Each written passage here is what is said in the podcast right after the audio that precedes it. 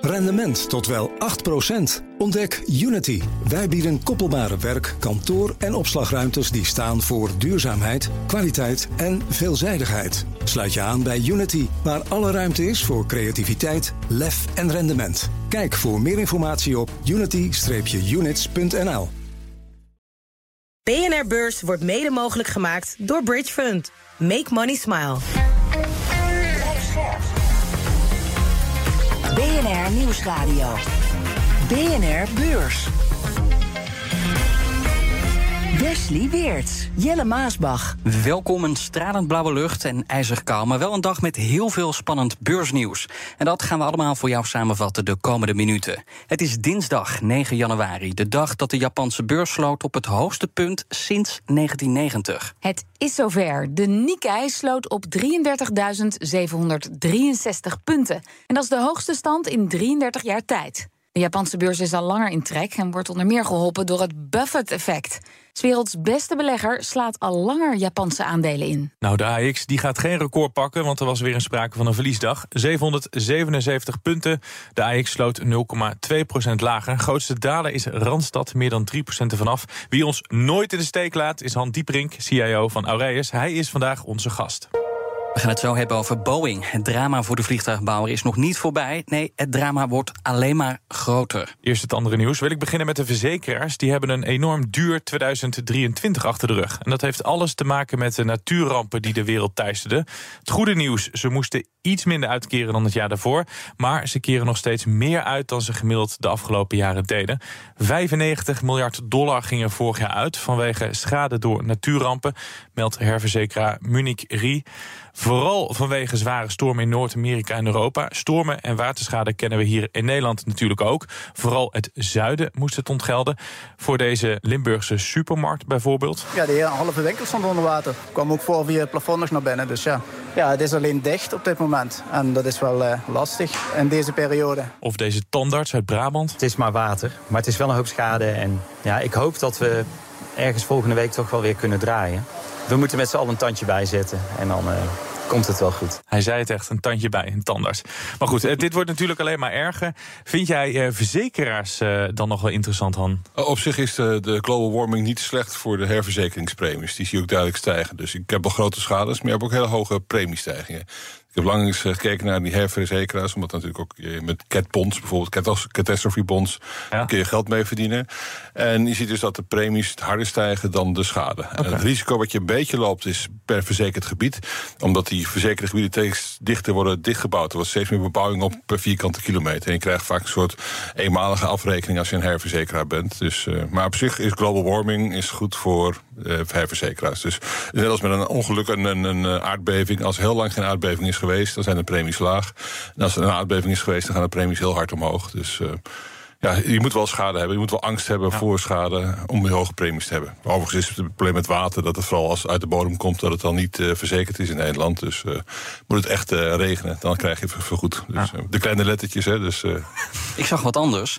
Elke drie dagen een nieuwe vestiging openen. Dat wil Starbucks gaan doen in India. De koffieketen heeft ambitieuze uitbreidingsplannen. Het wil de komende vier jaar meer dan verdubbelen en groeien tot duizend Starbucks. Het bedrijf wil van koffie de favoriete warme drank van India maken. En dat is uh, nu nog thee. En door die uitbreidingsplannen wordt India opeens een van de belangrijkste buitenlandse markten voor Starbucks. Al blijft het een schijntje vergeleken met China, waar het bedrijf meer dan 6500 vestigingen heeft. Na aandelen Heineken heeft Bill Gates een uh, nieuwe investering gevonden. Geen bier, maar een supermarkt op wielen. Gates investeert namelijk in online supermarkt Picnic. In totaal haalde Picnic ruim 350 miljoen euro op bij investeerders. Waaronder dus de oprichter van Microsoft. En met het geld wil het bedrijf verder uitbreiden in Duitsland en Frankrijk, vertelt topman Michiel Muller. En de logistieke infrastructuur opbouwen, maar ook laten zien dat het winstgevend is op die plekken waar we al een paar jaar actief zijn en waar uh, automatisering al uh, van toepassing is. Ja, dat betekent dat je kunt uittekenen dat dit model ook in andere steden gaat werken. Ja, zo gaat Picnic uh, distributiecentra bouwen en hubs openen in steden als Berlijn, Parijs en Hamburg. Ben wel benieuwd wat het bedrijf inmiddels waard is, maar dat wil hij dan weer niet zeggen. En alle hoop op een snel herstel van de chipmarkt wordt in één keer de grond ingeboord. Samsung is de schuldige. Dat kwam met zijn voorlopige cijfers over het vierde kwartaal. Het bedrijf worstelt nog altijd met een zwakke vraag naar chips. De omzet en winst vallen tegen. Ja, en Samsung is natuurlijk de grootste maker van geheugenchips en is vanwege die omvang een belangrijke indicator voor de rest van de chipmarkt. Volgens analisten laten de cijfers zien dat de chipdip langer aanhoudt dan we dachten. Ja, en dit is natuurlijk ook slecht nieuws voor bijvoorbeeld chipmachinemakers als ASML.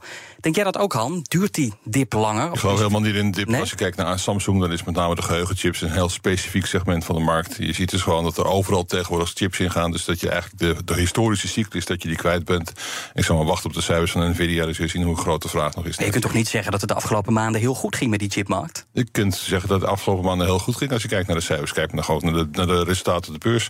Nvidia, die, eh, dat schiet nog elke dag omhoog. Dit toch waren de verwachtingen wel hoger de afgelopen maanden. Die konden Bij niet Samsung waren de verwachtingen hoger, dat klopt. Bij Samsung zie je duidelijk dat het wat tegenvalt. Maar bedoel, ook daar zie je dus de resultaten. Kijk naar TSMC, die komt donderdag met de cijfers. Ik denk niet zo bang, maar niet bang zijn voor de chipcyclus eigenlijk hoor. Dus die cyclus die is eigenlijk dood. 2023 was het jaar dat BMW nooit meer zal vergeten. Het verkocht namelijk een record aantal auto's. Je hoort zo of het aandeel BMW ook een lekker instapmodel is. Eerst nog meer kopzorgen voor Boeing. Er zijn steeds meer aanwijzingen dat er structurele problemen zijn met de 737 MAX 9. En dat is het toestel dat afgelopen weekend een deel van zijn romp verloor. Een zijpaneel raakte los, waardoor een gapend gat ontstond in het vliegtuig. En dat gebeurde tijdens een vlucht van Alaska Airlines. En nu zegt ook United Airlines dat er losse schroeven zitten in de Boeings. New statement from United tonight says we have found instances that appear to relate to installation issues in the door plug. For example, bolts that needed additional tightening. lightning. Het lijkt dus eh, geen incident. De luchtvaartmaatschappij wil niet zeggen bij hoeveel vliegtuigen de problemen werden aangetroffen. Maar naar verluid gaat het om minstens vijf vliegtuigen. Het incident doet zich voor bijna vijf jaar na het neerstorten van twee 737 MAX-toestellen. En daarbij kwamen honderden mensen om het leven. Ja, nu dus een nieuw probleem. Hoe groot is in potentie de omvang van dit nieuwe probleem, Han? Nou ja, als je alle 737's neemt die in de orde zitten, ik geloof iets van 4.500 nog openstaan. Maar van dit type, MAX 9, dat zijn er maar geloof ik goede 100. Ja. Dus dan valt het nogal mee. Dat is dus een paar procent van de uitstaande orders.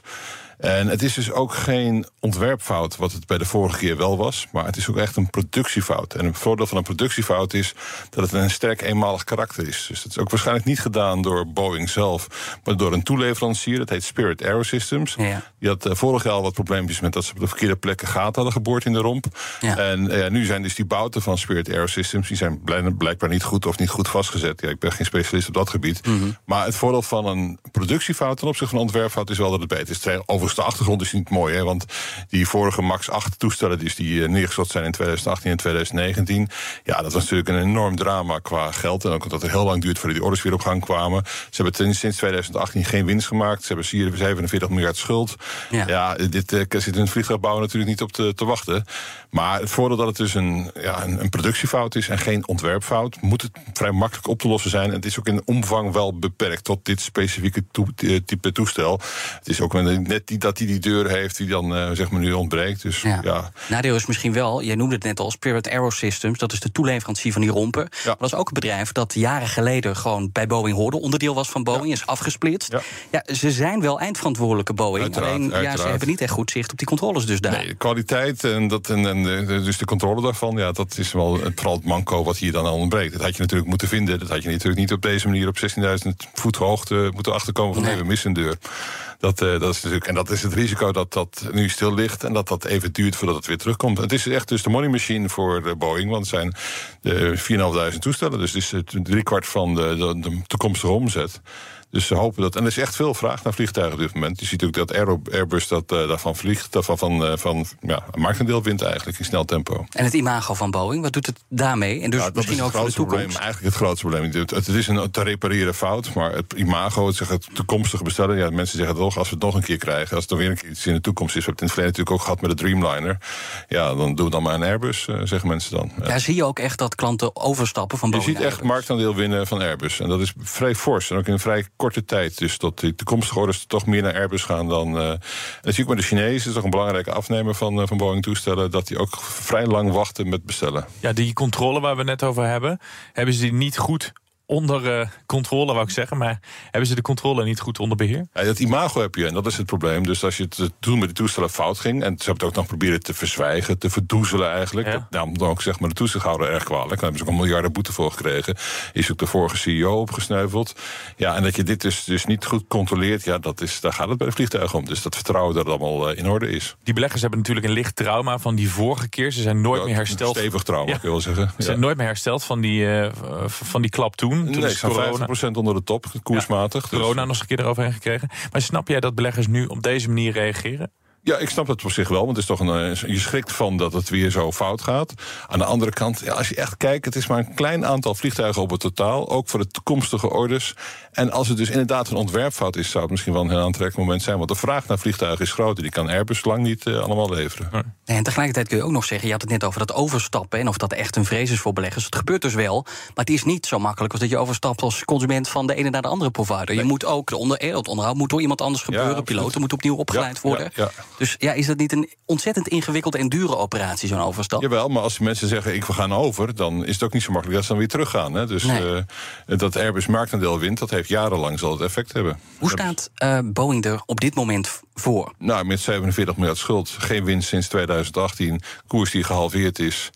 Ja, en toch blijkbaar dingen die operationeel nog niet op orde zijn. Dus dat ziet allemaal niet goed uit. Maar dat is ook wel deels in de koers verdisconteerd. Denk ik. Ja, zie je het nog goed komen? Op, op kortere termijn? Binnen nu en een nou, paar jaar? Het, op zich denk ik wel dat het goed moet kunnen komen. Maar je moet er wel in investeren. Dus het, uh, het zal wel aandacht vergen van het management om dat uh, op orde te krijgen. Ja, want gaan ze weer winst maken, vraag ik me dan. Uh, oh ja, op zich kun je natuurlijk gewoon goed winst maken met vliegtuigen. Want dat, die vorige schuld, die was echt miljarden wat je moest betalen.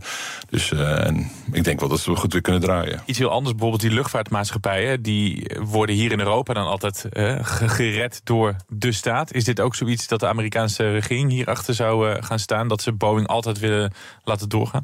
Nou ja, ze maken de Amerikaanse kernraketten... dus in de dat ze die wel willen behouden. Er zijn een paar activiteiten bij Boeing die je niet, niet kwijt zou willen. En ja, in principe zijn de Amerikanen niet van het redden van, uh, van maar je hebt bijvoorbeeld de automakers zijn ook gered, de banken zijn gered, dus uiteindelijk Boeing ook. Dus, uh, en hier inderdaad wordt Airbus natuurlijk ook met verkapte staatssubsidies overeind gehouden. Dus, uh, dan naar BMW. Nog nooit verkochte automaker zoveel auto's als in 2023. Het ging om bijna 2,6 miljoen auto's. Wat erbij opvalt is de verkoop van elektrische modellen. Die werden 74% meer verkocht vergeleken met het jaar daarvoor. En die elektrische auto's worden steeds belangrijker voor BMW.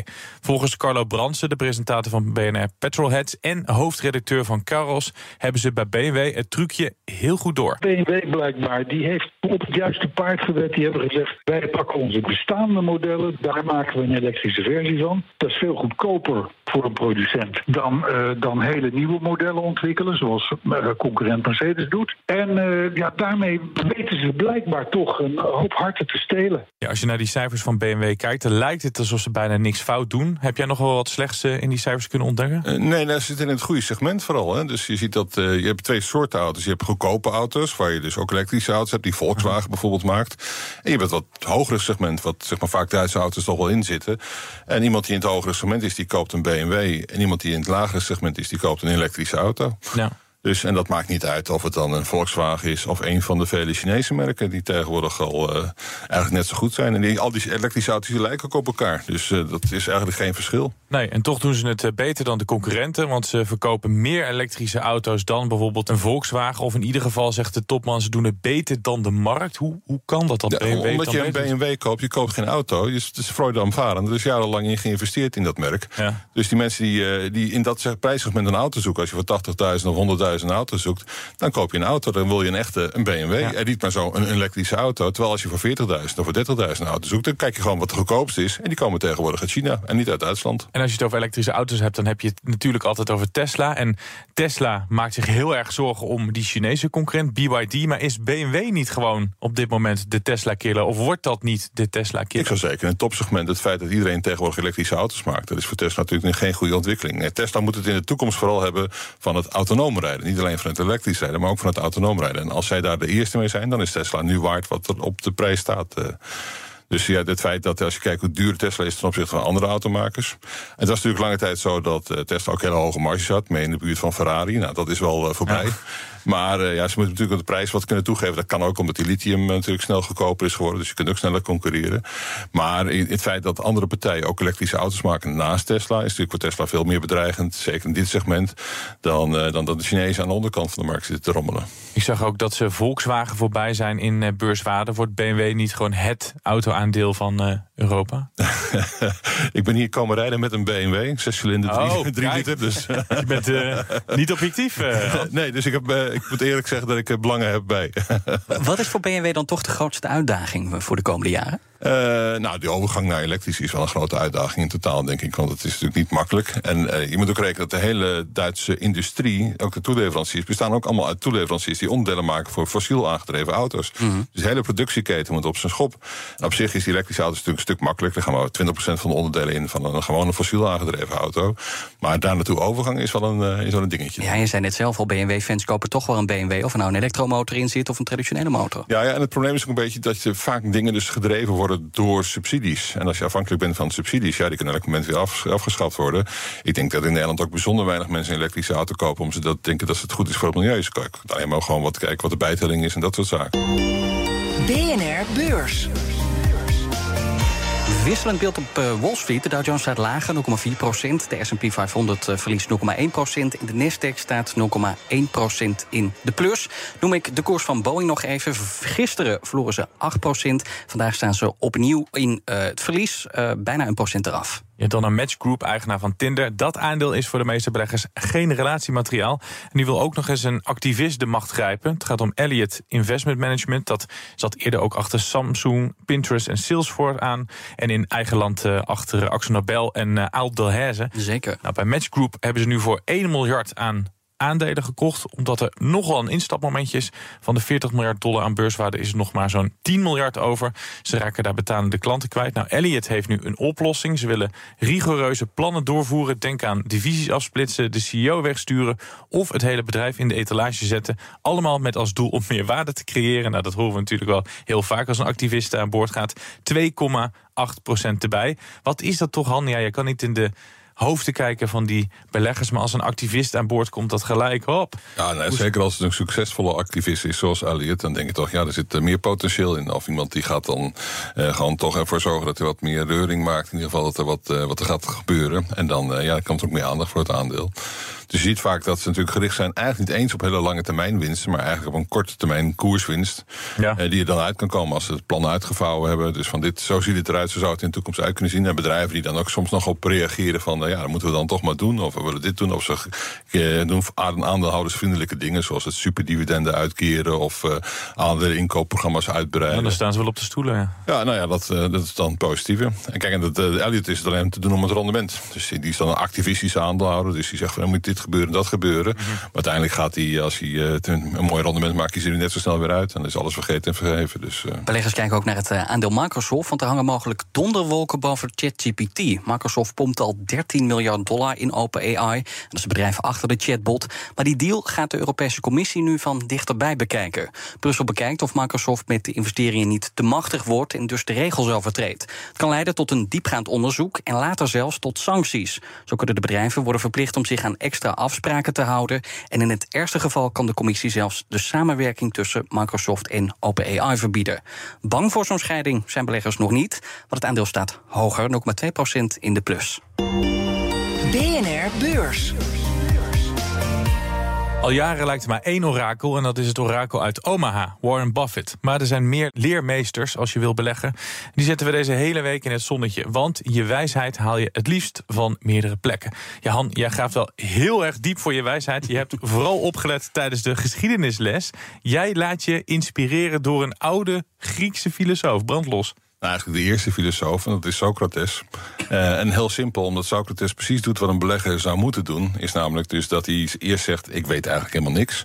En omdat ik helemaal niks weet, stel ik vragen. En dan stel ik de juiste vragen. Dus heel veel beleggers beginnen meteen met antwoorden geven. De beurs doet dit, de beurs doet dat.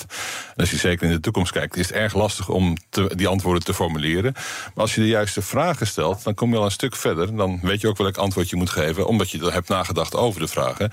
En Socrates die vraagt, en die vraagt ook niet alleen over over de natuur en over dat soort dingen die helemaal vaststaan, maar ook dingen als menselijke psyche, politiek en ethiek. Want het is niet allemaal zeg maar hard wat er in de beurs zit. Dus wat is dan niet allemaal harde feiten waar we op reageren. Eigenlijk vertellen we elkaar verhalen. En ja, maar je moet het verhaal dan geloven. En er zit dus meer aan vast dan alleen dat. En dan zeker die zachte kant, zeg maar, waar Socrates naar kijkt, is er als eerste voor interesseerde. Maakt hem zo'n eigenlijk de unieke eerste belegger. Dus niet omdat hij één cent belegd heeft, maar meer omdat hij die vragen stelde. En kijkt wat mensen beweegt en wat mensen in beweging zet. Dus ook bijvoorbeeld, hij had veel kritiek op de democratie, maar op andere zaken ook. Maar dat was meer omdat hij ja, toch ook de achterliggende risico's bekeek door ging vragen.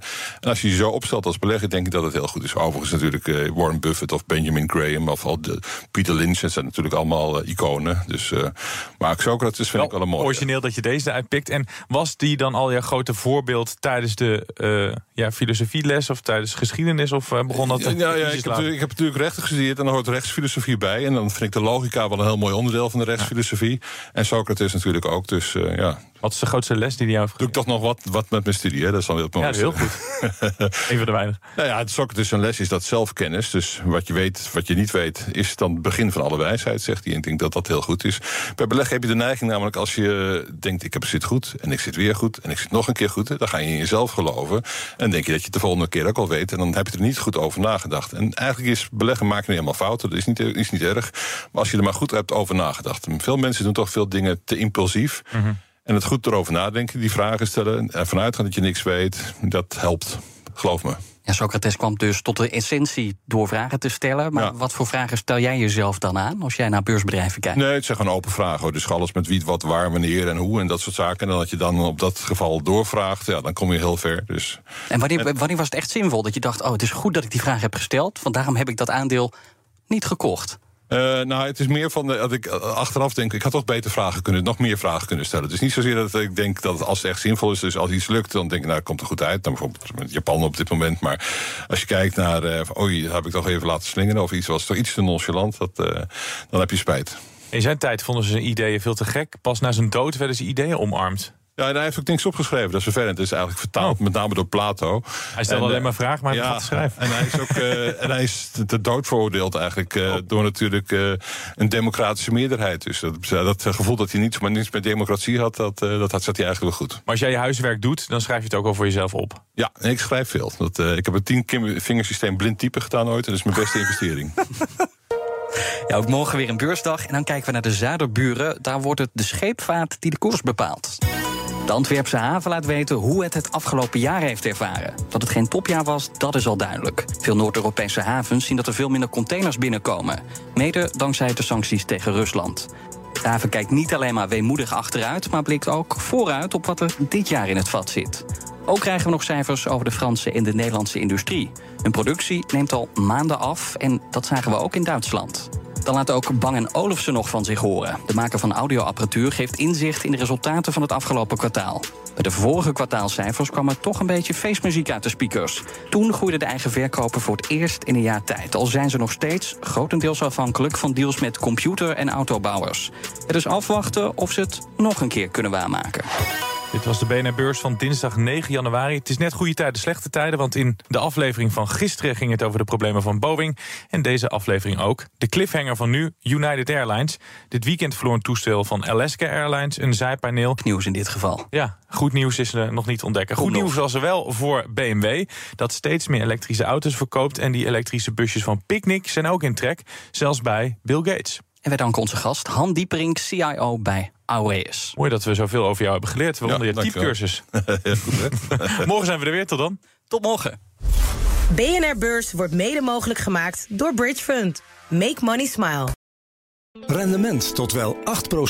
Ontdek Unity. Wij bieden koppelbare werk, kantoor en opslagruimtes die staan voor duurzaamheid, kwaliteit en veelzijdigheid. Sluit je aan bij Unity, waar alle ruimte is voor creativiteit, lef en rendement. Kijk voor meer informatie op unity-units.nl.